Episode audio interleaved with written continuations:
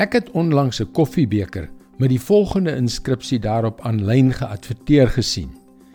Ek kan alles doen deur 'n vers wat uit verband geruk is. Ek het sommer lus gekry om vir my een van hulle te bestel. Hallo, ek is Jockey Gouchee vir Bernie Diamond en welkom weer by Vars.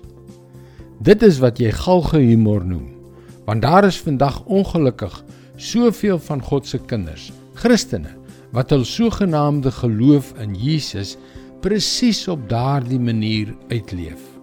Soos die Amerikaanse pastoor en skrywer John MacArthur dit een keer gestel het. Die helfte van die Christendom is gebaseer op verse wat uit verband geruk is. Dis baie hartseer maar waar. Dis wat ek en jy baie graag doen.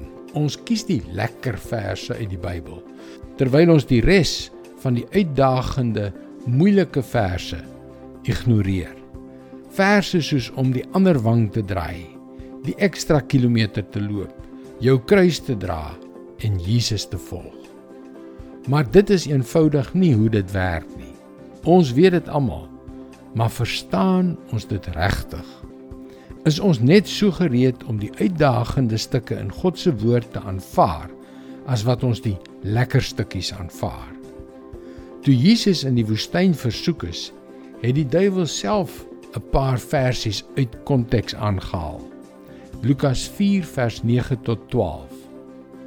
Hierna neem die duiwel hom na Jerusalem toe en laat hom op die hoogste punt van die tempel staan en sê: As u die seun van God is, spring hier af. Daar staan mos geskrywe: Hy sal sy engele opdrag gee om jou te beskerm.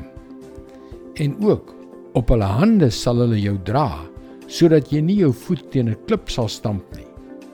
Maar Jesus antwoord hom: Daar is gesê: Jy mag die Here jou God nie op die proef stel nie.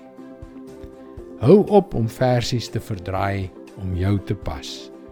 Dit is God se woord vars vir jou vandag.